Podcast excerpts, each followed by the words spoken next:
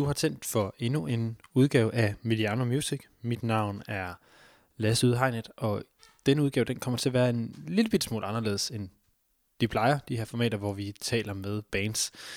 Øh, det gør det, fordi jeg i dag faktisk ikke rigtig ved, hvad det er, jeg skal snakke om. Øh, jeg skal ud og snakke med det oceanske band Based om, hvem de er og deres musik. Og det er jo et metalband, og for at være helt ærlig, så ved jeg absolut intet om metalmusik. Øh, så jeg er meget spændt på det her. Og øh, hvis I bedst, de har, jeg skal mødes med dem ude i deres øvelokale, ude i Åby Høj, her i, øh, i Aarhus. Så jeg skal lige på en, øh, en lille cykeltur derud, og så, øh, så må vi jo samle op derude. Det er bare lige så I lytter, I er klar over, øh, hvad I går ind til, at øh, jeg i hvert fald ikke helt er så fagligt skarp, som jeg plejer at være, men det glæder jeg mig sådan set også til, fordi det kan være, at jeg kan lære noget om en genre, som jeg ikke ved ret meget om. Men øh, hvor I lige noget musik på her, mens jeg cykler ud til deres øver, og så lytter eller tæller jeg lige videre om et øjeblik. Yes,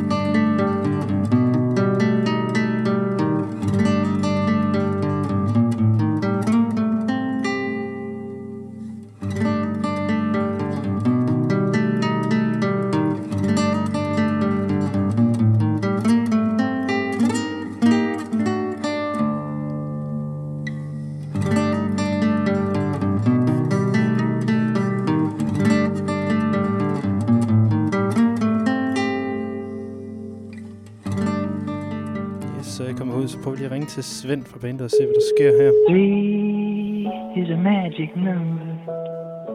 Yes, it is. Svend, Hej Svend, det er Lasse fra Mediano. goddag Lasse. Jeg står udenfor, der er godt nok en dør åben, men øh, nu tænker jeg lige, vil ringe ind ikke igen. Jamen, du kan faktisk bare gå ind og så kigge op til venstre. Gå ind og Det kan være, du lige så min forsanger gå. forbi. Det kan det godt Ja. være. Det overvejer faktisk også, om, øh, eller synes, det så bekendt ud. Han med lang jakke og solbriller på og shorts. Og shorts. Og så til Hej, Simon. venstre. Der var lige præcis. Godt, hej Svend. Goddag. hej, hej. Vi har ikke så mange stole. Eller jo, der er faktisk en lige der. så. Ja, men det, vi skal lige have det arrangeret ordentligt, så kan jeg også lige, øh, så slukker lige for mikrofonen, mens vi lige får, får jeg arrangeret. Ja. Jeg smutter faktisk nu, Ja. ja. fordi jeg skal ind og, og reparere guitar. Det skal Ja, også, øh, det skal Ja. også passe. Det er, er noget af det, at... Uh, hvad jeg glemte, hvad man sagde fabrik.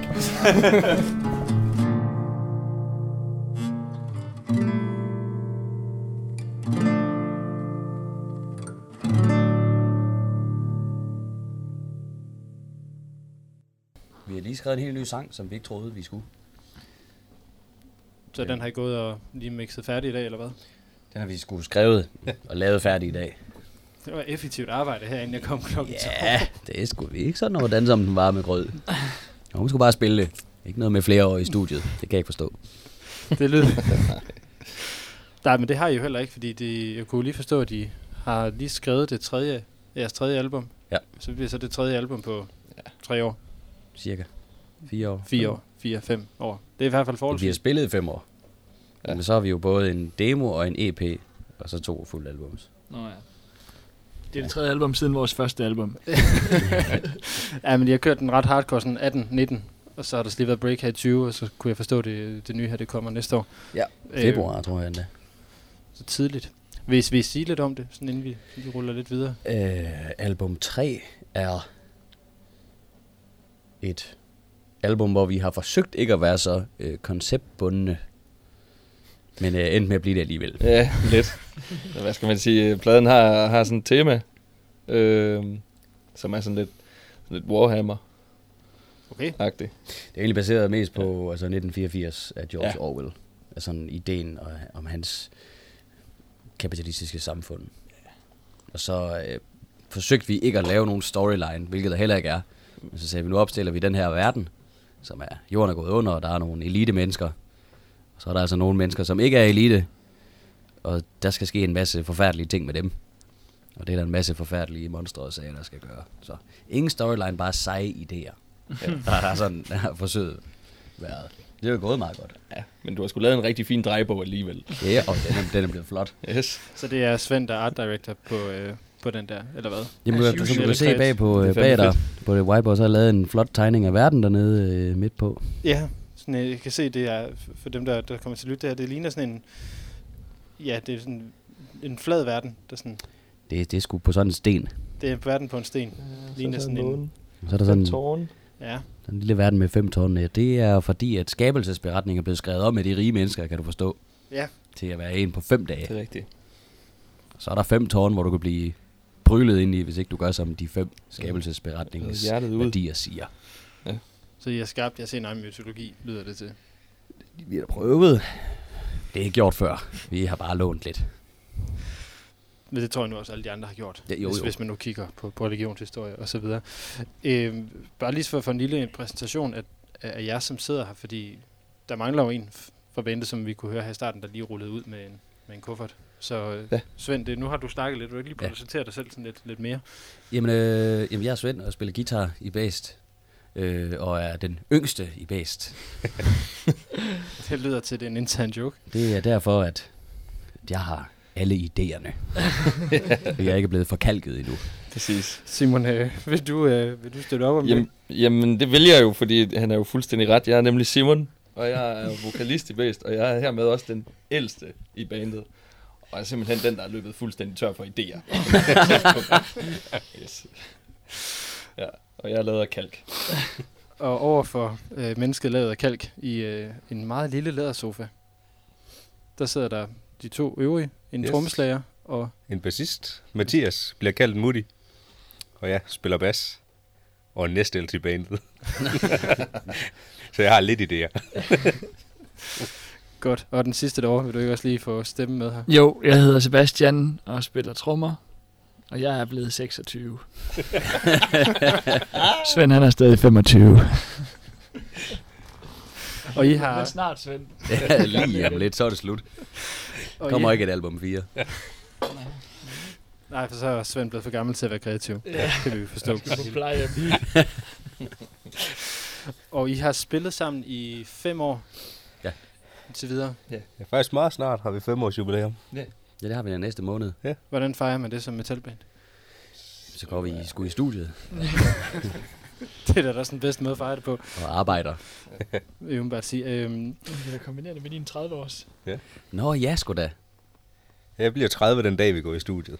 det er også en passende Så der er fødselsdagsfejring, jo uh, kan god fødselsdagsfest, når vi... Hvis vi når at indspille nummer den dag. Jeg har fundet en gave til Moody, bare rolig. Og så er der styr på, Uh. på den del. Hvad er det? det er ikke. en Mike Tyson-tatovering. Jeg, jeg vil gerne være med den dag. Kan vi aftale det? ja, ja, ja, ja.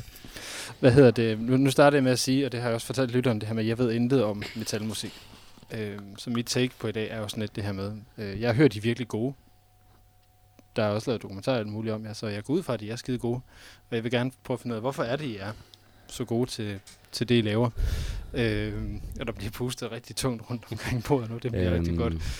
Du behøver ikke svare, Svend.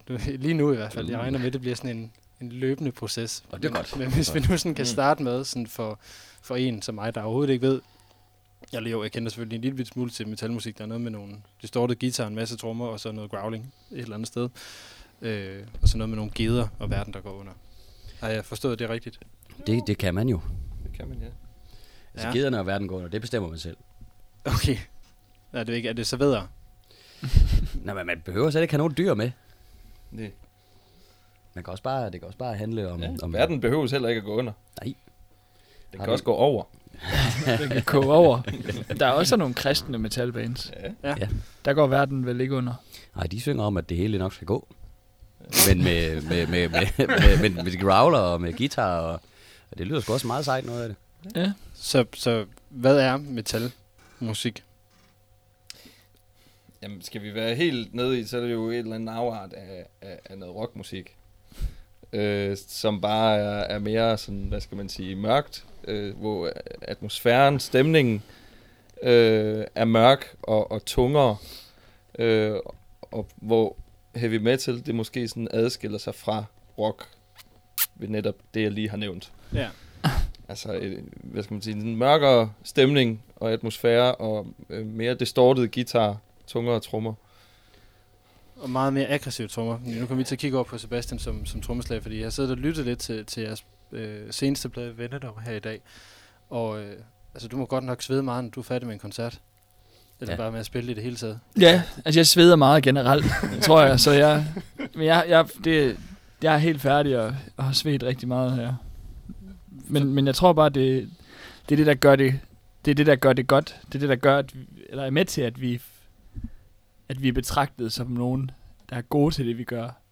Det er, at, at vi, vi går ikke på kompromis med, om man nu slår hårdt nok, eller om man nu er tight nok. Så vi gør det bare så godt vi kan, og så bliver det sådan, så bliver det bare så hårdt, som det ser ud til at være, tror jeg. Ja, fordi det, det lyder virkelig til, at, at du... Øh, du- at du sidder virkelig og hammer løs på de der trommer hele tiden. Altså det er sådan, lige, lige før jeg vil tage dig på at sige, der er ikke sådan nødvendigvis så meget takt nogle gange. Det lyder ikke altid sådan. Det lyder som om, de bare får tæsk derovre. Der er aldrig ikke takt. Nej. Ja, det, det er sgu lige efter bogen, det jeg spiller. Men der er meget af det. Ja, der bliver fandme lavet mange ting, men det er jo også et andet svar til, hvorfor at, for eksempel vi synes, at vi er gode, er fordi at vi øver os pisse meget. Mm. Det er ikke noget med at mødes og bare hygge og få nogle bajer og stå og Vi er faktisk helt holdt op med at drikke bajer sammen nærmest. Jamen, det er virkelig sjovt, når vi så gør det endelig. Ja. Men der er ikke nogen bajer om mandagen og om fredagen. Der øver vi, og så spiller vi så hårdt vi kan. Mm. Og så er man sur, når man er dårlig, fordi at man er ved at blive gammel. øh, og så øver man sig endnu mere, så man kan spille ordentligt, ja. og ikke stå og ligne en gammel nar, der spiller metal, fordi han ikke kan finde ud af det alligevel. Ja, det er også en intern joke, jeg er kommet ind i her. Nej, det er fuldstændig rigtigt. Jeg ligner en gammel nar, når jeg står og spiller. Nej, for du øver dig jo. Ja, yeah. Sådan. Du spiller heller ikke noget. Nej, det gør jeg nemlig ikke. Du ser, jeg ikke, du ser ikke gammel ud, Simon. Nej, det, Det gør du faktisk ser overhovedet ikke. ud. Men metalmusik er rigtig svært at spille, Ja. fordi der bliver spillet meget på trommer for eksempel. Der bliver spillet rigtig meget på guitar, og vokalen er rigtig svær at lave ordentligt, uden at man skal have pisse ondt i sin lille hals. Og bassen er rigtig svær at spille, fordi der bliver spillet ekstra mange toner og ekstra mange slag. Ja, allerede, allerede nu, Svend, nu har du sagt rigtig mange ting, som jeg gerne vil, vil prøve at dykke, øh, dykke lidt ned ja. I. Og jeg, jeg tror for dem, som lytter til det, så noget af det, som sådan er meget markant for metal, det, det, det er den her vokal. Og nu kommer jeg til at kigge over på dig, Simon, fordi Ja. det bliver nok lidt dig, der skal svare, svare for vokalen. Øhm, den, nu kan, nu kan jeg lære det growling. Ja. Er, er det det? Jamen, det er det jo vel sagtens. Altså, det er vel en, en, en teknik, en sangteknik, som mange andre, altså man kan jo sammenligne med andre teknikker, Curbing for eksempel, som også minder meget om growling, Mm. som man bruger i jazz. Øhm, og jamen, den består sig i, at man nok, hvad skal man sige, man raller eller brøler, øh, mere end man som sådan intonerer eller synger. Og man, ja.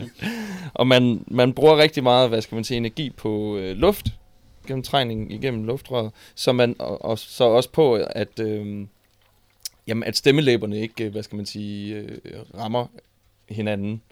Øh, og det, det er sådan lidt det, der er kunsten i det. Øh, Det, men det, det lyder sådan meget fysiologisk teknisk, faktisk. Det der er Det- det svære. det er det, der er det svære, ja. Ja. Og, og det er også altså meget teknisk, men når først man kan det, jamen, og kan mestre det, jamen, så, så, så, så, så er det sgu bare fremad i verden. Det er ligesom at køre på cykel, eller hvad? Ja, for helvede, mand, det er det bare. Altså, så først som 25-årig. Man kan sige, der er mange, der siger, at det er noget værd alarm. Ja. Øh, og det kan lyde som noget, en, en forfærdelig masse larm. Mm. Men det er bare utrolig svært at lave den larm. Ja. Det er virkelig svært at lave den. Men det er også derfor, at, at, den, at, den, at metalmusik, sådan som jeg opfatter det, er noget, som man enten er meget, meget til, eller meget, meget øh, ikke til. I den forstand, at, at den netop er så distinkt.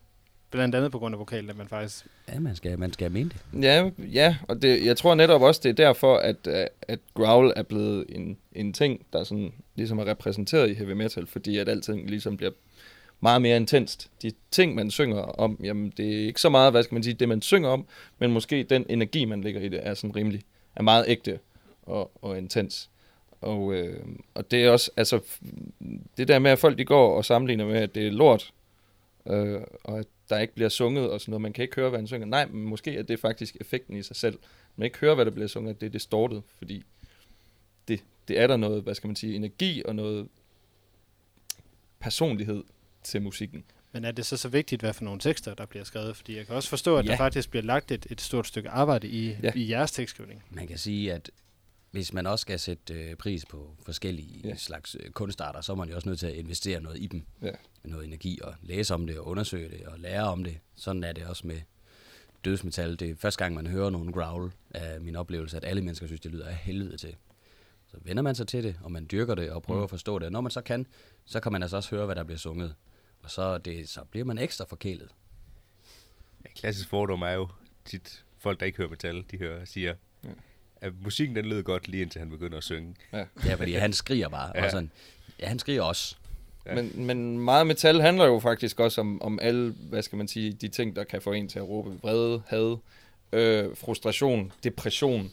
Øh, det at være ked af det. Det beskæftiger sig med mange af de følelser, som mange mennesker måske har svært ved og er meget tabuiseret. Og det tror jeg, det kommer meget til udtryk også igennem sangen. De her forkerte, nu sagt i Mm. følelser.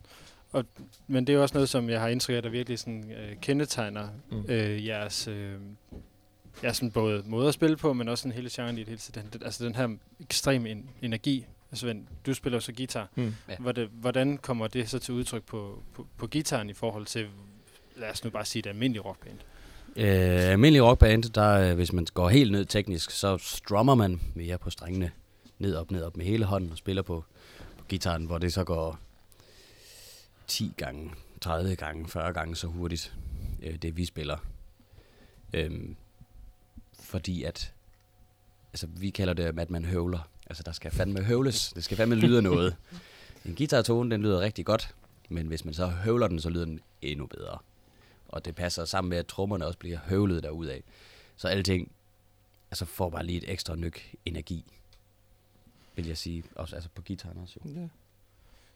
Og når jeg nu sidder og kigger rundt på, øh, på jer, og egentlig også på, på, øh, på Lasse, der lige s- stak af herinde, vi gik i gang, så er I jo alle sammen, øh, hvad jeg sådan ville pege ud som typiske metalhoveder med, med, med langt hår og enten noget, en eller anden form for skæg og en masse, masse tatoveringer i den ene og den anden art. Er det nødvendigt at have det her look for at være en del af metalgenren? Det er ikke nødvendigt, Nej. men det føles bare meget bedre. Hvordan føles det bedre? Jamen forestil dig, hvis du skulle ud og spille en professionel fodboldkamp i sandaler. Det ville jo være sindssygt nederen. Du kunne måske godt spille lige så godt. Og det vil se sjovt ud. Ja, ja, men du ville have det meget, meget, meget federe, hvis du så lige så sej ud som dem, du beundrede. Jeg tror også mere, det er fordi, vi har lyst til at se sådan her ud, fordi vi selv synes, vi ser ret godt ud. Altså, hvis jeg, så godt ud, hvis jeg synes, jeg så godt ud i, i habitjakke, så har jeg nok taget det på. Jo. Altså, man gør jo det i det, man har lyst til. Og hvis man synes, at Ja, der er metal også- er rigtig sejt, så Ja. dyrker man jo det. Der er jo også bygget sådan, hvad skal man sige, en lidt, øh, hvad skal man sige, en typisk mode, og en, hvad skal man sige, en, jamen, et syn på, hvordan øh, folk de skal se ud, øh, når de spiller metal. Men, Jo, men det, er- det er også derfor, jeg spørger, fordi det, Mm. er, så, det er så genkendeligt, det er så karakteristisk, Mm. eller det er, så nærmest, altså det er nærmest, øh, det er lige før det næsten er, er, er bliver en parodi på sig selv, forstår mig ret, fordi alle er så ekstreme i det. Det er der, altså, det er der jo mange, der er. Der er også mange, som på ingen måde er det. nej. Der er jo mange, som, så er det jo, når de er derhjemme, de går i t-shirtsene, der, som ikke tager dem på, når de er på arbejde som skolelærer. Mm. Eller, og det har man så, altså der har jeg for eksempel valgt at blive tatoveret på både min hals og mine hænder, fordi at jeg synes, det er så sejt, at det vil jeg have hele tiden. Om så er jeg på arbejde eller ej. Men jeg kan da godt forstå, at der er nogen, der vælger at gøre det anderledes. De, altså de første 3-4 år af det her, der havde jeg egentlig også bare kort hår, og sådan ikke så særlig metal ud, men jeg tror ikke det, jeg tror bare, jeg fandt ud af, at det, det klæder mig bare bedre med langt hår. Det ser bare pænere ud. Så, så tror jeg egentlig, det er ligegyldigt, om det er metal eller ej. Ja. Fedt hår. Krøller og sådan noget. Jeg tænker, vi, lige, øh, vi skal nemlig også øh, have, hørt lidt af, af, jeres, øh, af jeres musik, inden vi, øh, eller sendt noget af jeres musik ud til, til lytterne her, inden vi, øh, vi går videre. Og jeg, som sagt, jeg har siddet og lyttet til, øh, til jeres øh, plade Vendenom her i, øh, i, i dag. Og øh, er der et nummer, som I tænker, som vil være Dolomit. Dolomit? Bliver der, bliver der bare sunget ud? Det- eller er det, en, det er det er, sådan- er det også en, en joke, det, jeg har røget ind i? det, det, det er lille for sjov ord, hvis jeg tit siger. Men jeg vil sige uh, Nihil fra Nihil, ja. Venenum. Uh, Som det er er det- utrolig... Uh, Det tredje nummer på pladen. Ja, det er et dystert nummer. Det er en meget dyster melodi. Øh, og det er jo så ud af nihilisme. Det er også rimelig anti-alting, kan man sige. Nihil, som betyder ingenting. Yes. Ja. Godt. Men øh, jeg holder, vi holder lige en hurtig kunstpause. Fedt. Og så sætter vi nummeret på til, øh, til gæsterne derude.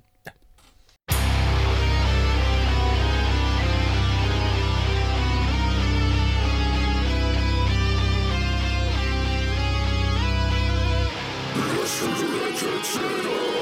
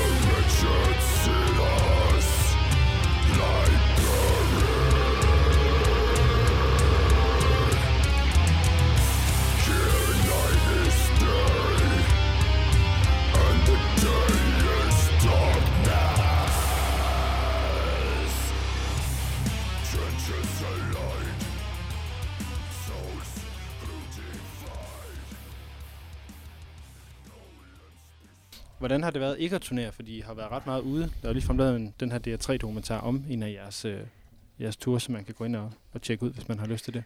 Det har, det har fandme været kedeligt. Ja. Det er jo virkelig...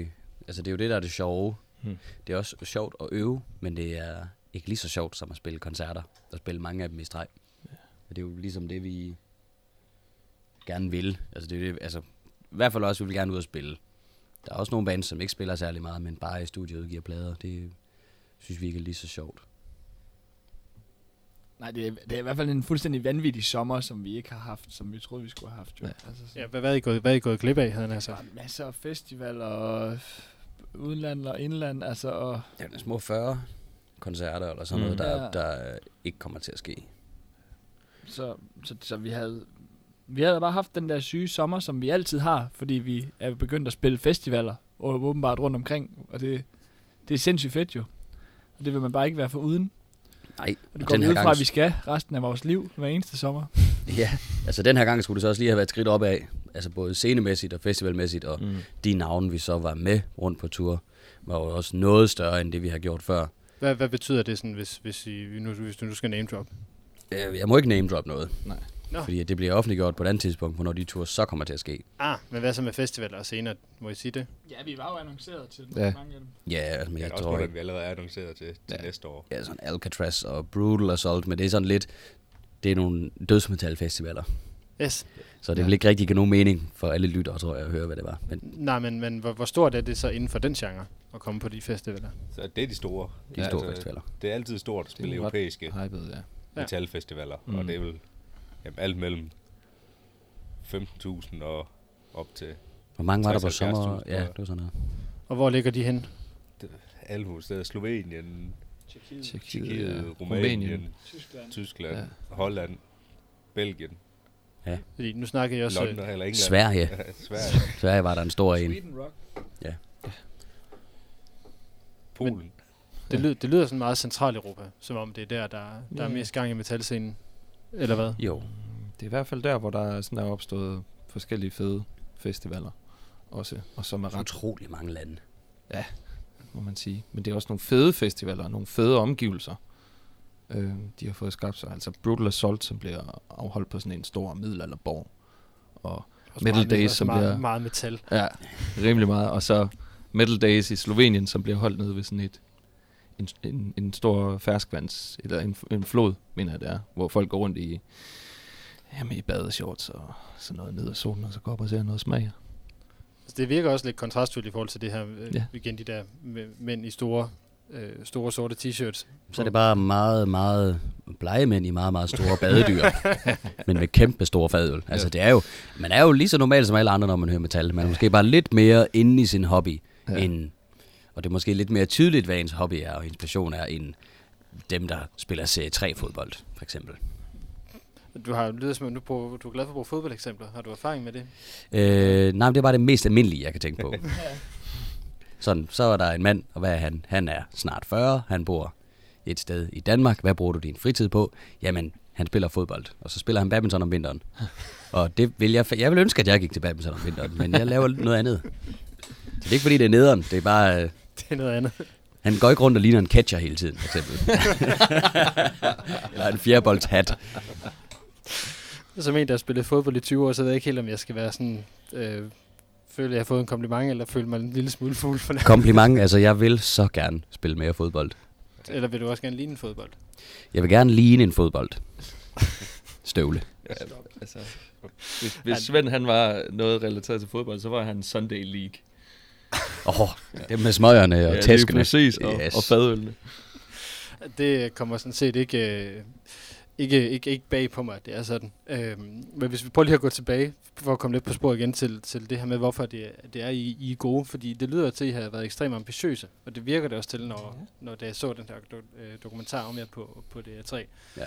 Øhm, hvad er, skal vi sige, jeres, øh, jeres ambitionsniveau? Er det sådan, at de, at I ud og blive spillet i, apropos normalitet, de danske håndboldhaller som en lidt mere hård udgave af Volbeat, eller hvad er altså, Altså, målet? Jeg er fuldstændig ligeglad med, hvor det bliver spillet. Altså, det er mere sådan, hvis vi kan leve af det, er at spille, turnere musik, og så skrive musik. Hvis vi kan leve af de ting, så, det, så er mit mål nået. Altså, det er det, jeg vil bruge mit liv på, det er at, at spille musik på den her måde. Men det er jo Også- nok bare generelt for alle musikere. Altså, Ja, der er Ja, nogen, der er villige til at gå på kompromis med en masse ting for at Ja. opnå målet. Og altså, der er jo ikke nogen af os, der sådan vil lave nogen, altså lave om på musikken for at få lov til at blive spillet steder. Men målet er at leve med det her, som vi laver nu. Og når vi, hvis vi så stadigvæk spiller i basen, når vi er 65, så er det ikke sikkert, det lyder, som det gør nu. Det vil du godt sige nu, at det nok Det virker, jeg vil våge påstå, at der har vi alle sammen fået lidt mere kalk. så kan vi spille, så kan vi kun spille lidt langsommere. Det er ikke for nogen andre skyld end vores, hvis det skulle være sådan.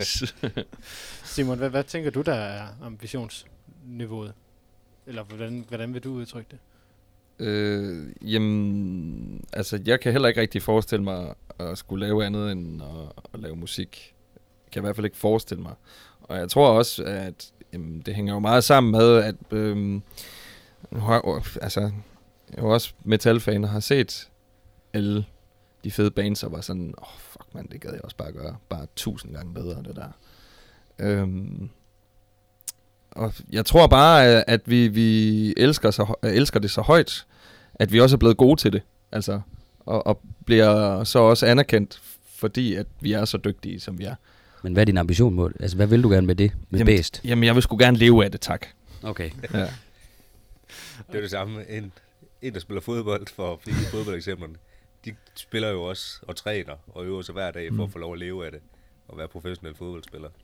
Altså, Ja. ja. vi vil i Bæst også gerne gøre Bæst så stort, at vi kan leve af det her, fordi det Ja. er det, vi synes, der, er- der er det fedeste Hvor, hvor, tæt, hvor tæt er I på det? Det, det er fandme svært at sige. Det er svært at sige. Altså, hvad skal der til? Ja, det spørger jeg sikkert jeg selv om rigtig tit. Ja, altså, Vi, vi er i hvert fald tættere på det, end vi var for fem år siden. Om fem år, der er vi sikkert endnu tættere på det, end vi var i, i dag. Eller? Det var, det var meget, øh, det var meget øh, hvis vi siger, et logisk svar. Ja, Ligesom det, det, det, flere. går, det, det, går, det går den rigtige vej. Altså, det er jo... Det lykkedes os at, at turnere og udbetale løn for det. Det lykkedes os at gøre de fede ting, på trods af, at de er dyre. Vi har kørt en fornuftig forretning. Mm-hmm. Altså, så vi, det tager ikke på ens familieliv eller private liv, at vi laver det her, på trods af, hvor hårdt arbejde det er. Okay, det, lyder, det synes jeg lyder lidt vildt. Nu kigger jeg over på dig, Modi, fordi var det ikke noget med, at, at du, du blev far lige inden I skulle på tur? Jo. Hvor, hvordan kan man så bare tage afsted på tur? Fordi at det også er pisse vigtigt. Hvordan, Altså- jamen, hvordan, hvordan gør man det, uden at gå på kompromis med det der familieliv så? Ja, man går måske lidt på kompromis med familielivet, men man får det jo til at fungere. Altså, jeg ser det ikke som meget anderledes end, der er også mange, der har et arbejde, hvor de rejser 160 dage om året, fordi de sælger. Altså, så er de også ude og væk fra familien, men de får stadig et familieliv til at fungere. Så er man bare dobbelt så meget far, når man er hjemme. Øh, og så sker der bare alle de her ting med teknologi, så FaceTime og alle sådan nogle ting, det bruger mig og Lasse jo sindssygt meget, når vi er ude på tur til at ringe hjem til kærester og koner. Og Kærester og koner og børnene. My wife and my girlfriend. Altså, man jeg kan har sige, kun én kæreste og nul koner. Rigtig detaljer for når, når vi tager på ture, så er det ikke fordi, man kommer hjem og så skal arbejde de der 75 timer om ugen for at få det til at køre rundt. Nej, men, men, men I har I stadig de her ting ved siden af, som I, øh, I går og laver. Ved, Du var, du var vi- lærervikar på et tidspunkt, Svend. Ja, nu er jeg Det vikar på øh, sådan særligt sikrede institutioner for børn og voksne. Så det er så lidt nemmere tidsmæssigt at få til at hænge sammen med Bæst, eller hvordan? Det er i hvert fald døgninstitutioner, så jeg kan få lov til at arbejde om natten også, hvis jeg vil, Mm. øh, og weekenderne.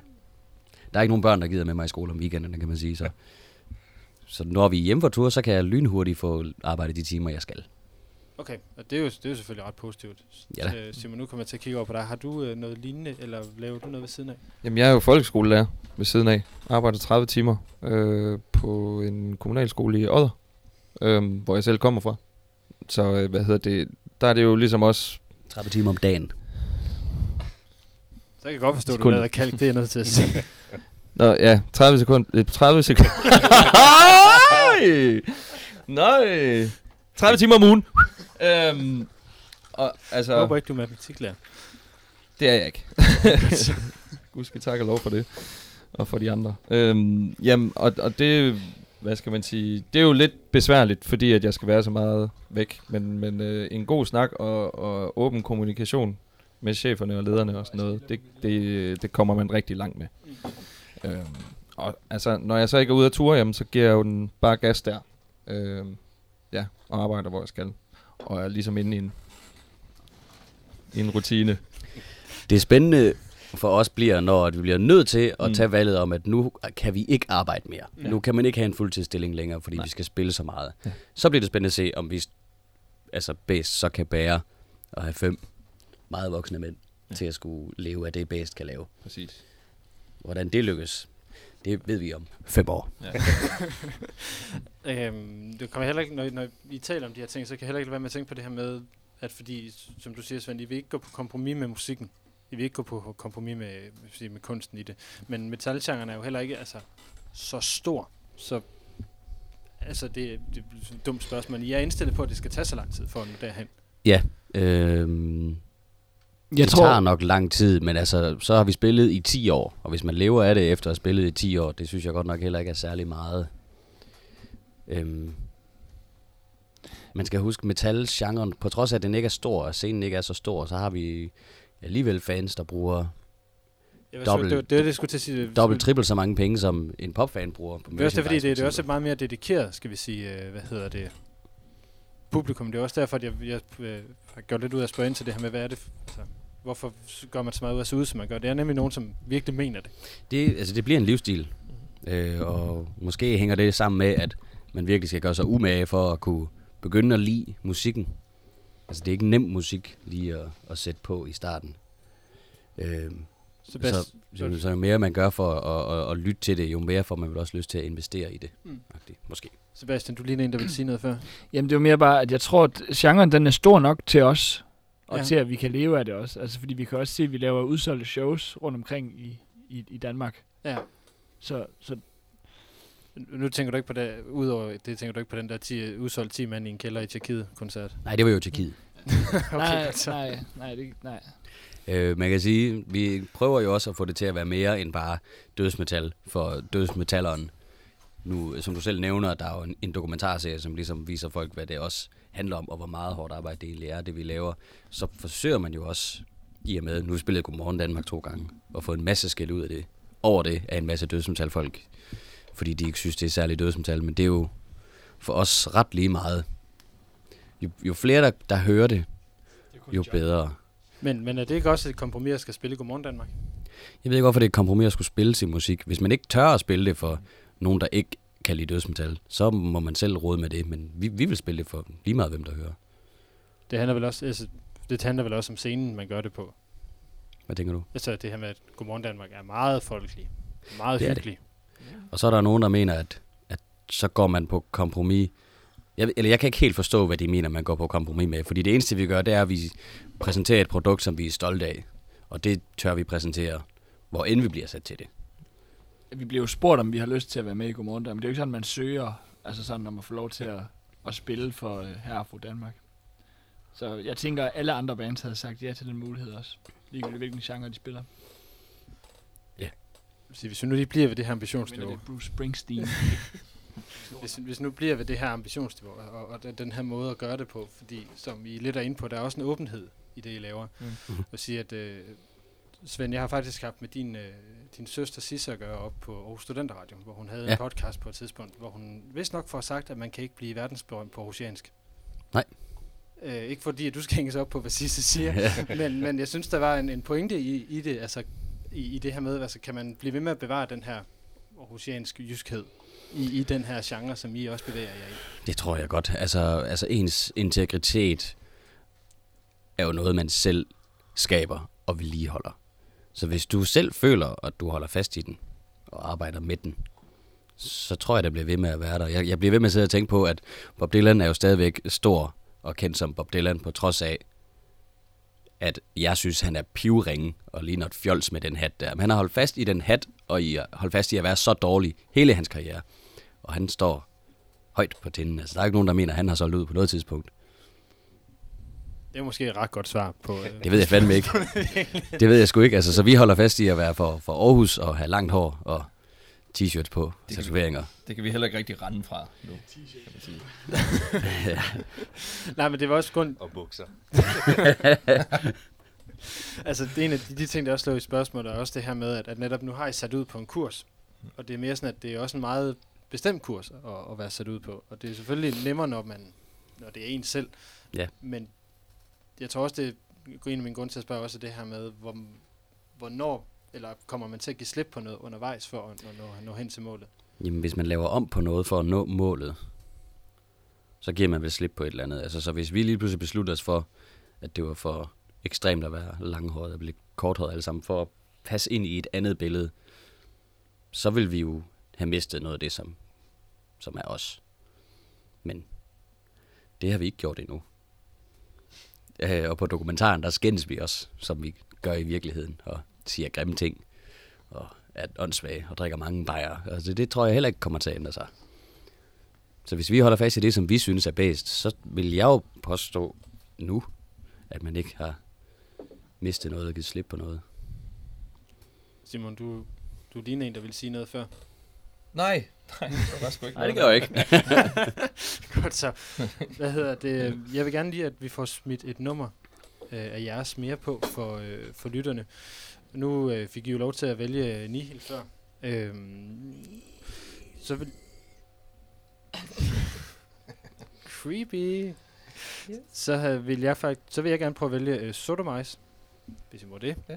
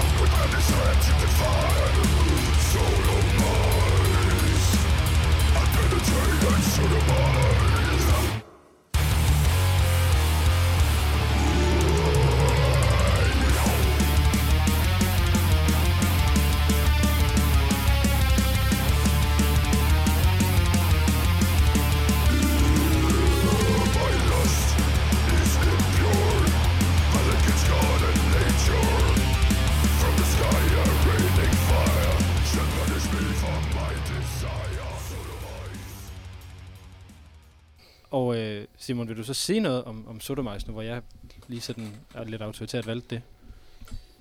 Øh, jamen... Der bliver kigget mig intens på Svend. Er det Svend, der er har skrevet det også? Øh, nej, jo, jeg har skrevet musikken til det, Ja. sammen med alle de andre i Pest.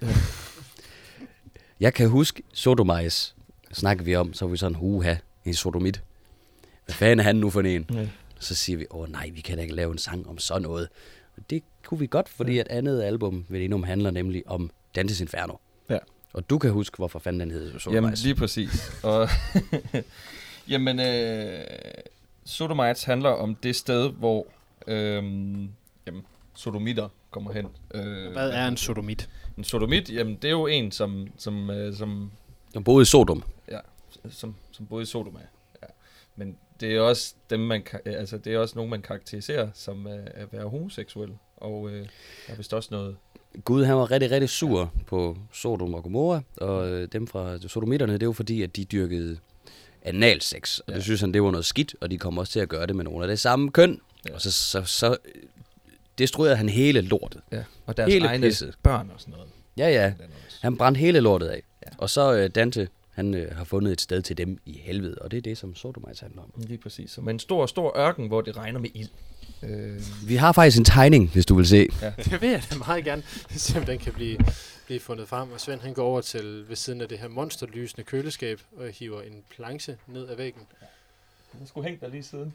Øh, der er, det er sådan en øh, sammenklippet af fire, øh, fem øh, af tre ark, hvor der, der er en flod. Omkring der med flod, øh, blod. Ah, så det er simpelthen sætlisten der, er der, så det er styks, der er overgangen, eller hvad? ja. Ja, ja. 1, 2, 3, 4, 5, 6, og så Sodom er 8. Det, kan du lige forklare mig, hvornår vi kommer til den skov der?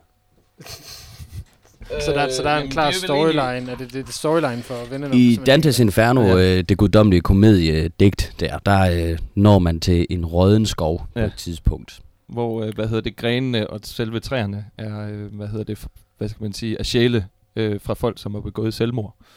Ja. Øh, og når man kommer om på den anden side af den skov, jamen, så kommer man til den her store ørken, hvor sodomitterne er, er proppet til, og der går de, hvad skal man sige, i, i rækker, lænket sammen, øhm, og øh, jamen, brænder deres fødder på den glohede sand, og bliver for øvrigt også øh, tæskesmadret af, af ild. Regnende ild. Ja, det er et rigtig træls sted. Det er et rigtig træt sted, Det ja. lyder, lyder ret ubehageligt, vil ja. jeg sige. Så den handler ikke kun om analsex, nej. Det gør den ikke. Den Men den er nærmere sted- stedspec- ild. Ja. Gør den vel slet ikke. Jo, det er jo det, det, det, er jo det de er. Ja, ja. Ja, ja. De er analsex. Simon godt kan lide analsex. Hvordan, eller hvorfor skriver man sange om sådan noget her?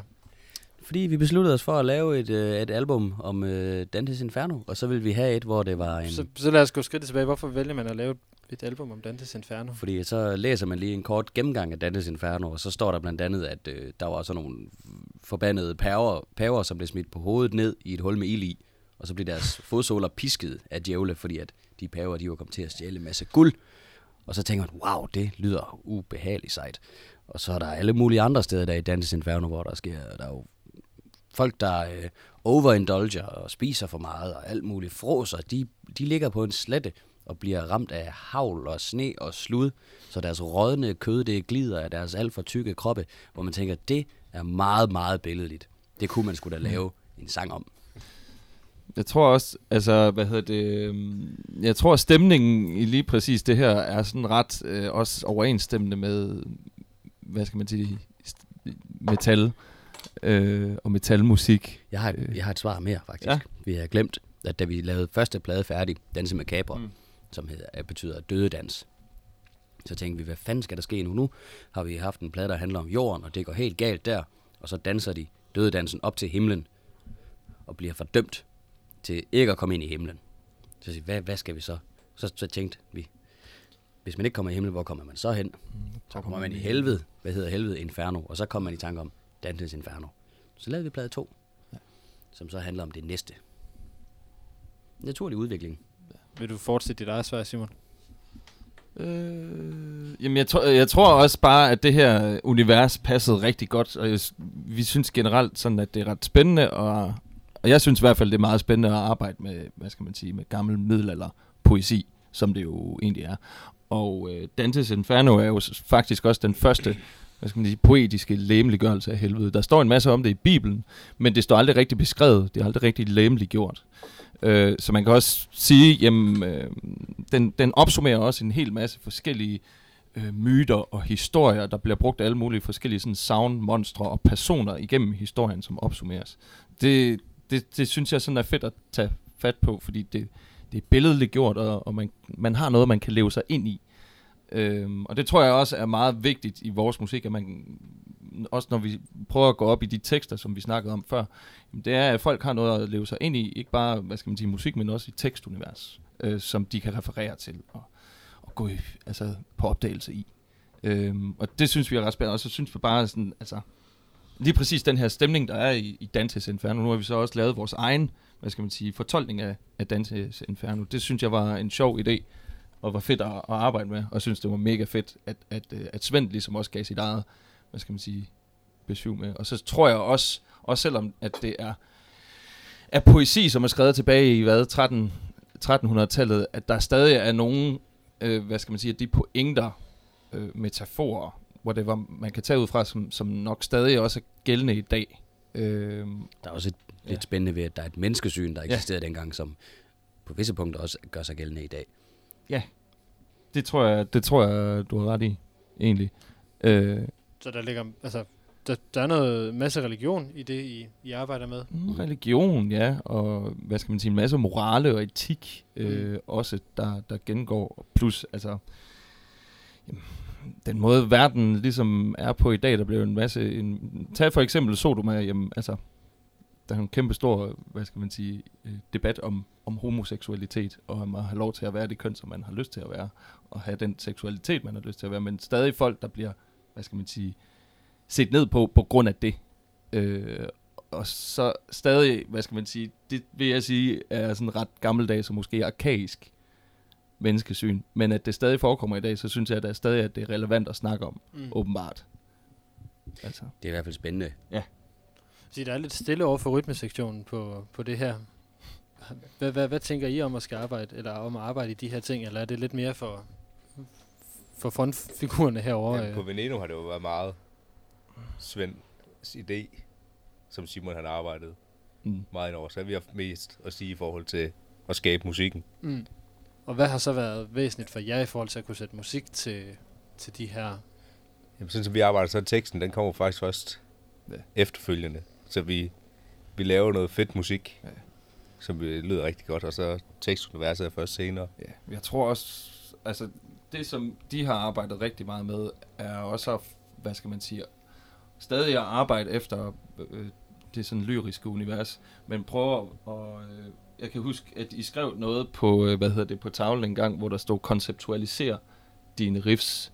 Ja. Eller, øhm, og, og det synes jeg, at, at, at også har været spændende sådan at følge, at musikken faktisk også er blevet bygget op om det her univers, hvor, hvad skal man sige, jeg har også haft brug for musikken i forhold til at lave lyrik, fordi jeg også arbejder meget sådan i forhold til, hvordan stemningen er i de forskellige sange. Man kan sige, at vi havde Ja. ja. sang 1 øh, på Ja. ja. pladen, Virtual Lament, handler om en vivlvind af had, øh, der er i helvedes foregår. Ja. Og når du kommer så liderligheds, liderlighedens vinde i første cirkel af helvede, og der var det jo for eksempel til Sebastian, så sagde jeg, jamen altså, det skal lyde ligesom en vivlvind. Altså, Ja. ja. hvad kan lyde ligesom en vivlvind? Og så Sebastian spillede det bedste, han kan lyde som en vivlvind. øh, og så lavede vi guitar riffs, der passede til, som også var øh, altså, meget kaotiske. Øh, vi har arbejdet med, at musikken i tredje cirkel, som er Gula, det er froseri, den skulle være meget, meget, meget tung. Så det er, alle- det er de syv dødssynder, der Ja, bliver dem tung, der. tung. Og, jamen, de er jo baseret på de syv, Ja. ja. otte cirkler af helvede. Øhm, hvad, hvad får man af idéer, når man tænker froseri? Altså, så, så tænker man jo meget, meget hurtigt, meget, meget tunge ting Ja. og mennesker, og så gør man musikken meget, meget tung. Så når I taler om det her med at konceptualisere riffs og så videre, det synes jeg faktisk er ret interessant. Hvordan konceptualiserer er det? Er det ved at gøre det der med at tænke, men det her, det skal lyde tungt? Det synes jeg. Hvad, hvad har vi? Har vi et godt eksempel på det nye? Det handler jo sådan lidt mere om, om kapitalisme. Vi har en sang, der handler om... Øh, vi har lige skrevet en sang, der skulle handle om sådan en affaldsflåde, der flyder ud af den her kapitalistiske verden, og ud i rummet, fordi at der er så meget affald ved forbrug. Øhm, og den, den skulle have sådan en lidt mere øh, statisk fornemmelse, kontinuerligt det samme, mm. der skulle køre. Ja.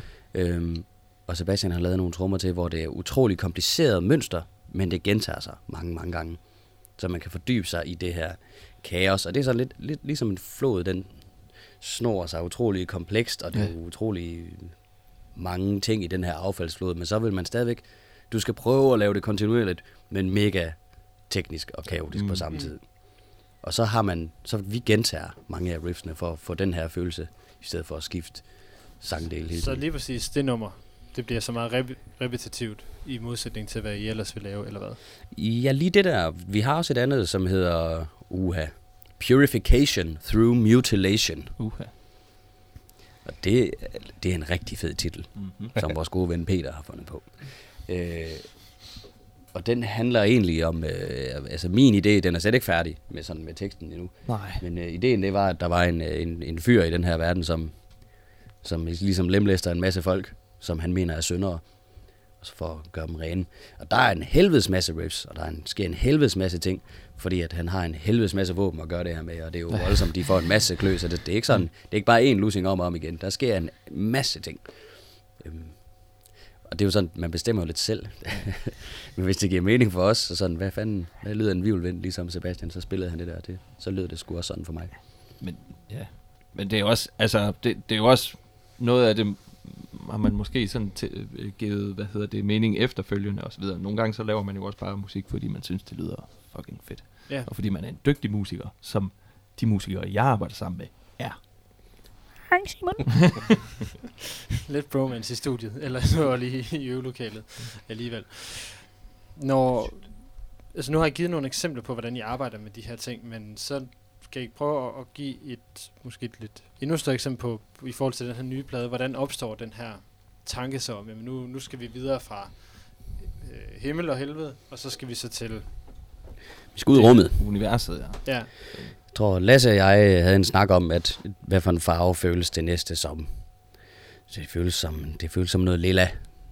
Og der er så sådan, lilla, hvad fanden er lilla? Og det er jo sådan, der ultraviolet. Nå, hvad, hvor fanden er det her? Det, det skal jeg sgu ud i rummet. Nå, og så var vi jo, "Nå, hvad fanden, det har vi sgu da ikke rigtig lavet noget med før. Og det kunne faktisk være lidt sjovt at gå lidt ud af det middelalderlige, øh, som vi har beskæftiget os meget med. Mm. Også for at udfordre os selv. også det, med- det middelalder er også en meget klassisk metal, mm. altså sådan det der univers, som, sådan, som jeg i hvert fald har forstået det, der er mange ja. ting, der bliver trukket på det. Der er mange hvad? forskellige. Altså, Ja, der er så rigtig meget genrer, som også bare er altså, sådan noget Lovecraft, øh, monstre og død og ødelæggelse over det hele, som ikke rigtig har noget at gøre med middelalderen. Og der er også meget af det, som er meget samfunds øh, orienteret i nutiden. Dystopisk, ikke? Og der har jo også rigtig været... Dystopisk, Dystopisk, ikke? Nu kommer København og Simon frem. Jeg tror også, der er rigtig, rigtig mange bands lige for tiden, som, som, øh, som leger, også specielt dødsmetal bands, som leger rigtig meget med, med nogle af de her sådan, science fiction ting, øh, emner. Blood Incantation er en af dem. Øh, Artificial Brain er også et band, som jeg har lyttet rigtig meget mere til. Øh, Megadeth har vist også gjort det på deres sidste plade. Øh, Altså, Morbid Angel. Morbid på- Angel, ja. I, I lut. Ja, de sidste, de sidste mange af dem. De sidste mange af dem, ja. Øh, det, det, er sgu et, det er sgu et fedt nok univers, og det virkede også som en... en altså, det, jeg synes, det lød som en mega god idé, da det var, at, at Svend og Lasse, de kom og sagde det, og det virkede som en naturlig... Jamen, lad os prøve at fokusere på det her, fordi det kunne være spændende at arbejde med. Det er jo, man skal jo sige, hvad fanden har vi lyst til at lave nu for en plade? Og så kigger man på hinanden og siger, skal vi gøre det samme, som vi har gjort, eller skal vi, skal vi prøve noget nyt? Ja. Ja. Vi er jo alle sammen ret enige om, det kunne være sjovt at prøve noget lidt nyt i forhold til det der. Se, hvad for nogle billeder det skaber, og hvad for nogle riffs det så afføder. Ja. Og de, vi er alle sammen ret glade for, for det, som er, som er sket nu, og synes, det er en mere... Altså, det er en federe retning. Det er jo, altså, det er jo stadig bedst, men der er, der er sket en masse nye ting, Mm. som alle er pisseglade for. Hvis I har, nu, nu er det jo sådan noget, som I har lavet her under corona, øh, fordi I ikke har kunne komme ud og spille sådan semi, så bliver rynket på næsen over for Simon. Ja, altså, vi begyndte jo alligevel at arbejde øh, sådan umiddelbart efter vi kom hjem fra tur. Ja, ja. Efter, efter efteråret og så videre. Det er hele tiden, det er hele tiden været planlagt, at vi skulle lave den nu. Vi har bare fået en helvedes masse mere tid til det lige Ja. pludselig, fordi vi ikke skulle på tur. Men er det så blevet nemmere for jer at lave pladen, fordi I har haft så meget tid til at gå med den her? Eller, eller Ja, det, det, det har vi. I hvert fald en meget, meget federe proces, ja, hvor jeg egentlig have tid til at Mm. dykke ned i sangene. Og, Sidst, der lavede vi, indspillede vi alle guitarerne til Venenum-pladen. Der var vi hjemme i to uger fra ja. en tur med Decapitated. Og så var vi lige hjemme og spille. Og Lasse og jeg, de havde lige tre dage til at lægge alle guitarerne ned. Mm. Og så skulle vi andre steder, og Lasse skulle have et barn. Så han var ikke med på Polen-turen. Øh, Du ved, så der var, det var meget mere fragmenteret. Man kunne ikke rigtig huske tre uger på tur, så kom jeg hjem og skulle indspille de nye sange. Der var sådan, kraft, vi ikke lige spillet i Meget. tre uger. Meget omskiftelighed også. Altså, øh, Vi var ikke sammen i studiet. nej. Det blev lavet... og den her gang, så skal vi være sammen i syv dage, hvor vi overnatter i studiet. Ja, det bliver nice. Ja, sammen hele tiden. jeg vil sige, fordi sådan som jeg har indtryk af jer som gruppe, så virker det der med at skulle, altså fragmenteret i studiet, heller ikke som jeres foretrukne måde at arbejde på. Overhovedet ikke. Nej. Men det var jo faktisk, altså det var jo så et nødvendigt onde, fordi at vi troede ikke, det skulle være sådan på på plade 2, men så fik vi en helvedes masse turnéer, som vi rigtig gerne ville have. Og så blev det nødt til at være sådan. Og så blev vi jo nødt til at komme ud med en plade, synes vi, for ligesom at holde momentum i gang. Og vi følte også, at vi havde en plade, vi gerne ville smide ud. Så så må man jo f- finde ud af det. Og så var der nogen, der skulle have børn, og så var der, ah! så må man jo for fanden lige skynde sig lidt med en masse ting, og det blev pisse fedt. Så der har så været lidt mere ro, både til børn og til, til plade. Ja, så Simon og jeg er faktisk ikke noget at få nogen. Men øh, vi kunne sagtens have noget af det, hvis Som vi, I kender hvis til. ville. Simon er mit barn. Af mit biologiske mor. Hold op. Mit mor. Mit mor. Jeg tænkte, den bare skulle have lov til at hænge lidt. øhm, inden vi skal høre sådan det sidste, det, det sidste nummer, øhm, hvad hedder det? øhm, Nu kigger I som sagt ind i den her i det her 2021, hvor der er masser af festival og masser af koncerter og en, en pladeudgivelse. Mm. Hvordan tror I det år bliver, altså igen med alle corona for, forbehold, hvordan tror I det bliver sammenlignet med, med de, de fem tidligere år, I har haft som, som band? Det, altså, jeg tror, det bliver godt.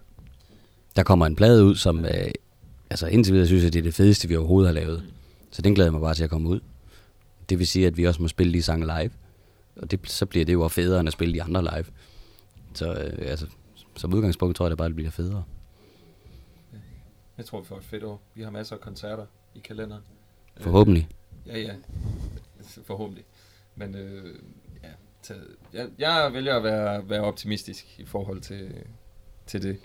Og til, hvad skal man sige, verdens omstændigheder lige nu. Så tror jeg... Vi kiggede til de der højere... Ja. Vi kiggede, blev kigget til de, øh, de højere magter der Nej, jeg kigger sgu bare over skulderen bag ved verden. Den er lige bag ved mig. bag ved Svend. Savn. Savn. Jeg håber, det kommer til at, at, at blive godt. Og det nye materiale er klart det bedste, vi nogensinde har lavet. er, det, er der I enige om det hele vejen rundt? Ja, ja altså, det har jo været sindssygt at arbejde med. Der er jo kæmpe optur, hver gang vi mødes i øvelokalet nu her, fordi at sangene bare bliver så fede. Hvordan har det ændret sig fra tidligere? Jamen, der har der også været optur, men det bliver bare... Hver eneste gang vi øvede, var vi også nødt til at øve et, et koncertsæt. Fordi ja. Ja. vi skulle spille koncert den weekend. Så man brugte halvanden time på at spille koncert, og så skulle man tage den aller sidste energi, du havde, og lave øh, en ny idé, eller prøve noget ad. Og det kræver sindssygt meget energi, at skulle prøve ting, og ting, man ikke er god til at spille endnu, og skulle prøve at være kreativ. Så det, det har bare ikke været lige så sjovt, fordi man har haft så mange andre ting at lave. Så det er der, hvor den der grå, grå hverdag, den ligesom bliver... Altså, der hvor hverdagsmusikeren kommer ind, og man skal finde, finde det sidste overskud frem. Det er svært. Mm.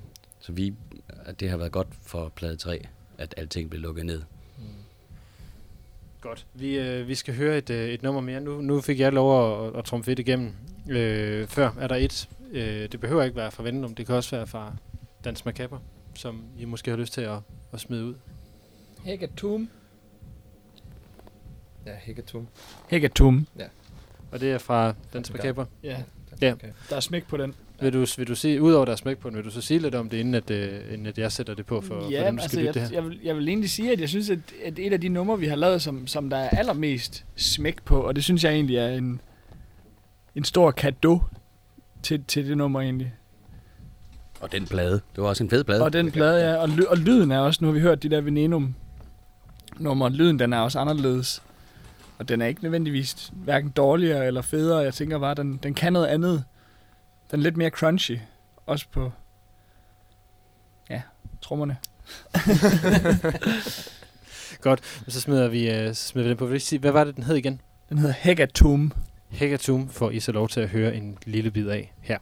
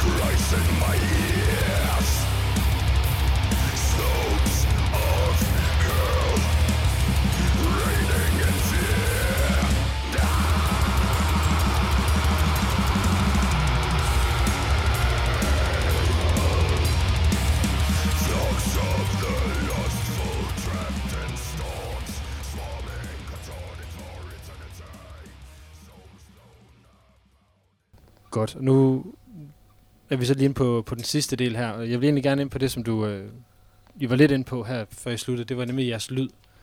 Fordi I lyder jo meget metalagtigt, både med den her måde, som trommer og guitar og bas og, og, og vokalen bliver, bliver brugt.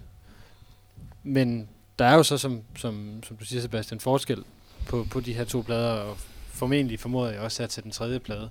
Kan I prøve at sætte et ord på, hvordan jeres lyd den, den udvikler sig? Og hvad der er anderledes den her gang? Den her gang synes jeg, at sangskrivningen er lidt mere øh, øh, gennemtænkt er et forkert ord. Men jeg leder lige efter det rigtige. Fordi før ville jeg sige modent, og det synes jeg også er latterligt at sige. Fordi så er man bare blevet gammel og kedelig. Det er der ikke nogen, der gider at høre. Øhm, Altså, du tænker på lyden på vores kommende album. I, ja, altså, hvor det, eller bare sådan, hvordan I synes, jeres lyd udvikler sig, hvad er det, hvor det er, I ligesom, hvor den flytter sig hen. Jeg synes, vi får flere og flere øh, catchy ting med, og der kommer mere luft i sangskrivningen. Øh, det betyder ikke, at det er mindre ekstremt, fordi at riffsene er og til endnu mere ekstreme, end de har været før. Men den her gang har vi bare haft mere erfaring og overskud til at kunne ikke, måske, i stedet for bare at lave en voldsom, voldsom vild dødsmetalsang, så har vi taget de her voldsomme og vilde elementer, og så gjort det til en bedst sang. Mm. Det, det, hvis, det, hvis det giver nogen mening. Altså, jeg, jeg tænker i hvert fald, lyden, den... Vi, vi gik oprindeligt efter den der old school svenske... Hvad hedder det? Sa- sav, savklinge lyd. og og den, er, den, er vi egentlig, den kører vi egentlig videre med. Så jeg tror bare sådan, at det, det udvikler sig i, for, i forhold til, hvordan man, man ligesom vil have det til at være, når man skal til at sidde og mixe det og sådan noget. Fordi jeg tror ikke, det kommer til at lyde ens, lyden på nogle af vores albums nødvendigvis. Jamen, hvad synes du sådan med sangene? Altså, for jeg synes jo, vores, de nye her lyder mere som, for eksempel, der er meget, der lyder mere som Mastodon, Ja. øh, og, og mindre som Bloodbath og sådan noget. Men det er selvfølgelig rigtigt. Nu, nu tænkte jeg bare kun på tonen, du ved, og sådan, den, den lyd, men, men Men, men lyd er jo også et, et, et, et, et, øh, skal sige, et meget abstrakt koncept, og, jeg, Ja. og jeg, det er meget fint, du egentlig smider nogle, nogle, øh, nogle bandnavn ind, Svend, fordi hv- hvem kigger I efter? Altså, at, kigger I nogle gange på, på nogle, hvor jeg tænker, det der, det vil vi gerne have noget med af? ja, Rig, altså rigtig meget. Jeg, jeg kan rigtig, rigtig godt lide Mastodon, fordi jeg synes, at de spiller øh, metalmusik, og har spillet meget ekstrem metalmusik, og spiller meget mindre ekstrem musik lige nu, men det er med øh, let genkendelige elementer, som kun de kan lave, hvilket gør det til Mastodon. Så jeg vil ikke kalde det for progressiv, jeg vil ikke kalde det for død, jeg vil ikke kalde det for øh, sludge, jeg vil kalde det for Mastodon, fordi de får det til at lyde som dem.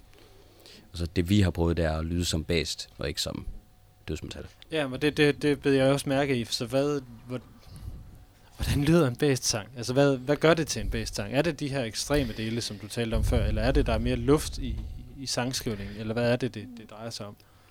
Ja, bedst for mig, øh, nu er jeg jo guitarist, så jeg synes, det er rigtig meget at gøre med at de øh, intervaller, Lasse og jeg spiller sammen på guitarerne. Øhm, der, Ja, er nogle, der er nogle andre stemmer, som, som, som skaber en helt særlig stemning. Øh, vi har en trommeslager, som ikke øh, er øh, dødsmetal nørd, men til gengæld en fantastisk trommeslager. Så når jeg, når jeg skal lave trommer sammen med Sebastian til den plade her, så siger jeg jo som regel bare, jeg kunne godt tænke mig, at du spiller det, som gør dig røvglad. I stedet for at sige, der skal være blaster, der skal være dukker, det skal være sådan, rup, rup, rup. så vil jeg gerne have, at Sebastian spiller det, der gør Sebastian røvglad, fordi det er der, at det lyder allerbedst, synes jeg. Øhm, hvis, hvis det er også. Jamen, det giver mening. Så, altså bedst lyder af guitar, harmonier og Sebastian på trommer, og det lyder af... Og det er vel også lidt der, vi udvikler sig hen imod. Altså, mm. hvor det måske er startet meget med... Vi snakkede jo meget om Bloodbath, da vi startede bedst. Ja da, Og nu der har vi heller ikke spillet band før, og Nej, skrevet sang før, så det er skulle det. man... Vi er aldrig, der er ikke nogen af os, der sådan har spillet i noget inden rigtigt. Altså, og nu her, så handler det også bare meget om det gode riff. Mm. Mm. Altså, hvis, hvis vi synes, det lyder godt, ja. så er der ikke en eller anden, der så siger, at det er jo ikke så dødsmetal-agtigt. Det er bare alt metal, vi synes, der er fedt. Er vi ikke bange for at blande, blande sammen, så Hvis- længe det lyder godt. Hvis det lyder som, hvis vi kan lide at spille det, og vi synes, det lyder rigtigt, så, så gør vi det på den her plade. især hvis det lyder lidt ligesom black metal. Sebastian er helt vild med black metal på den her plade. Men det er igen noget med, at når det så sker noget, som lyder helt vildt karakteristisk, noget vi kender, så er det jo også rigtig, rigtig sjovt. Sådan, Hå, det lyder helt vildt meget som black der, og så griner alle og smiler alle, og så beholder vi det. Fordi at Ja. Fordi det gør os glade. altså, det, er jo, det er jo det. Hvis vi synes, det er pisse fedt at spille, så spiller vi det. Agtigt. Så mere, mere original musik ja. på plade 3. Men er det også noget, man bliver bedre til at lave, jo længere man kommer ind i det? Eller hvad har jeres... Øh... Altså man bliver mere og mere selvsikker i det, man laver. Man kan sige, hvis vi vil gerne bare være et dødsmetalband, bare siger jeg. Vi vil gerne være et dødsmetalband, da vi startede, og det var vi. Og så sagde anmeldelsen, det lyder helt vildt meget som Bloodbath, så var vi sådan, fuck sygt, det kan vi fandme godt lide. Og så plade 2 var det sådan, så lød det mere, så var der nogle andre ting indenover. Der er nogen, der siger, det er nye her. Nogle af drengene, der har hørt demoen, der siger, det er helt vildt meget ligesom, øh, øh, hvad fanden er det nu, det hedder, Glenn Bentons andet band, som ikke er Deicide, men som hedder Vital Remains. Ja. Det er noget helt nyt slags dødsmetal, som det åbenbart lyder som nogle gange. Og det er jo sådan, nå for fanden, fedt. Øh, det lyder som alle mulige nye ting nu. Der er også noget, som bare lyder som det gode karkas, som er det poppede karkas. som ikke er så ekstremt, men som er virkelig catchy. Men det bliver nemmere, ja, synes jeg, at finde ud af at være sikker i det, man spiller. Og, og ikke sådan skulle ref- sætte det op i forhold til en eller anden referenceramme, man har med, at det skal lyde ligesom et eller andet der. Ja, det kan godt være fedt nok bare at spille sådan lidt. Bare spille et normalt trommebeat for eksempel. Sådan. Ja, eller, ja, præcis. Eller spille et, et, et fill, der ikke er, går vanvittigt hurtigt, fordi at det skal det. Så, så det, det bliver nemmere, jo, jo, jo mere etableret man bliver, tror jeg. Men man får måske også nogle andre værktøjer end fart. Øh, som er et fucking godt værktøj. Men, Ja, øh, ja så, fordi det virker nemlig som, et- som det primære værktøj i, i, i metal på mange måder. det handler om, det er jo altså fart, det gør også noget intenst. Altså, det er meget intens musik, så, men jeg kan også sige, at nogle gange så går det så langsomt, at det bliver virkelig, virkelig brutalt og intenst. Mm. Så tempo er helt klart et rigtig godt værktøj, men normalt, når man har sagt, det her det lyder ikke helt vildt nok, som bare skrue tempoet op, og så lyder det pissevildt, så er jo måske prøve at gøre noget andet. Mm. Øh, og det skal man jo have skrevet en masse sange, før man ligesom finder ud af, hvad fanden der dur. Hvordan så i forhold til, til vokalen, Simon, på, på det nye her? Er det, hvordan har, har, har, eller jeg vil hellere spørge, har, har du gjort noget anderledes på den her plade, eller på den kommende, end, end du har gjort ved de andre? Øh, jamen, vokalen er, er som sådan heller ikke rigtig helt klar endnu. Men, øh, men jeg har alle mulige forskellige idéer, som også skiller sig lidt ud fra det, fordi det kan, altså det kan jo godt gå hen og blive lidt statisk, men det synes jeg ikke, det er, fordi jeg føler egentlig også en vis frihed i det her band, og at jeg også kan tilbyde noget i form af min growl, øh, som jeg selv synes ikke rigtig minder om så mange andre. Jo, det kunne man godt sige, at det minder om nogle andre growls, men jeg synes også hen ad vejen har det ændret sig meget. Du lyder i hvert fald af mange flere ting efterhånden, Ja. så jo længere hen vi kommer. Men det er jo også noget at gøre med, at i stedet for at vi siger til dig, "Ah, kan du, i stedet for at skrige, så skal du bare lyde helt vildt dyb og ondt mm. der. Så er det nu, har du flere også værktøjer. Du har flere forskellige skrig, flere forskellige kulturelle Ja. metoder at, at, at bruge. Så jeg synes i hvert fald sådan, åh mand, han laver alle mulige seje ting. Så jeg, jeg glæder mig vildt meget til den vokal Ja. Ja. er, er færdig. Men, ja. men I holder den på den her meget growlende vokal. Der kommer ikke de her mere, sådan, mere rene melodiske stykker. Ej, det, det tror jeg ikke, øh, vi kommer til sådan at arbejde med. Altså, skulle det være, jamen så måske, men altså, det, det, det tror jeg ikke, vi kommer til nu her. Det har jeg i hvert fald ikke planlagt.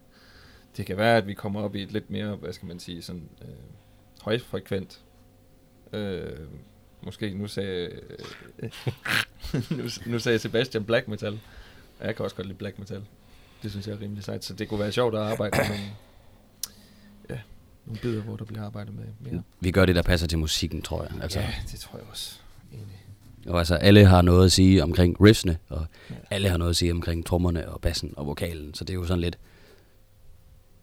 Alle får lov. Moody er øh, tit øh, øh, ham, der skal... Han skal jo lære guitar riffsene, når vi har skrevet dem. Så skal vi finde ud af, hvordan spiller man det på bas. Og så lærer Moody dem, og så spiller han med på sangene. Det er rigtig fedt at have Moody med i øver, øveren, fordi han har et, et rigtig godt øre.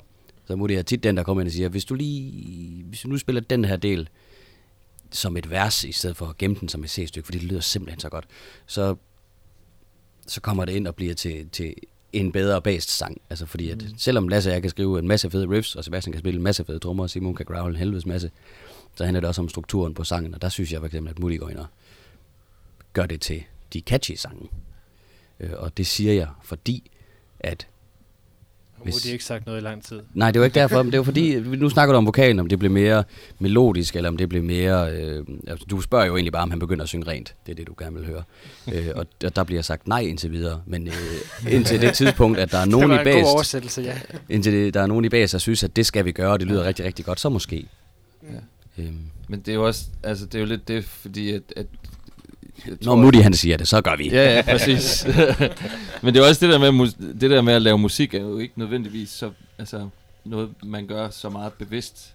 Det tror jeg netop, at det er også, der karakteriserer mu- musik, at det er, at man, det, er jo, det er jo meget emotionelt, det at lave musik. Så man arbejder jo med nogle ting, som man ikke rigtig er bevidst om, men så prøver man at bevidstliggøre altså, gøre det. Så man kan ikke rigtig sige sådan på forhånd, jamen det skal være sådan her, sådan her, sådan her. Det er noget, som man sådan bruger sin, sin intuition i forhold til, og prøver sådan at, at gå ud og udforske lidt, hvad, hvad der er fedt til den her sang. Det er det, der også er fedt ved at lave musikken. Det er, at, at det ikke nødvendigvis er så bevidst, men at man kræver noget, som, som man synes er ret sejt, og som man bliver sådan rimelig ja, høj på. Den sidste ting, jeg så gerne vil, øh, vil spørge jer om, det er, nu, nu har I brugt to albums på ligesom at få flyttet jer sådan ret højt op, sådan som jeg i hvert fald opfatter det på, på den danske metalscene. Det var en EP. Sådan, hvis I, øh, hvis I sådan skal være lidt mere kon- øh, konkrete, hvor skal, hvor skal det, det tredje her så flytte jer hen? Altså sådan, skal det, det, er det det, der skal få, få jer til at headline en tur? Eller hvad? Jamen det, det kommer der til. Ja. Den er i bogen. Godt så, jamen, så skal det mere end det. Tyskland. I, man, man vil jo altid, altså Danmark er, er pisse godt for os, Mm. og der kommer vi til at fortsætte med at spille. Danmark er bare pisse småt, så man kan ikke spille der sådan vildt meget. Øh, album 1 og 2 har også fået os ret meget ud Mm. af Danmark, og album 3 skal fortsætte med at få os mere ud af Danmark, Mm. og til større spillesteder og større publikum. Har I sådan nogle, nogle benchmark? Det vil sige, det, hvis vi nåede det der, så, så vil det være med det her, så vil det være ret godkendt. Det, det synes jeg allerede, vi arbejdede med for nogle år siden, og det synes jeg, vi nåede, så man kan blive ved med at sætte sig benchmarks. Ja, men jeg tror også, det er sådan, altså vi booker jo tursene, inden albummet kommer. Ja. Øh, fordi vi siger, at der kommer et album. Så vi regner sådan lidt omvendt.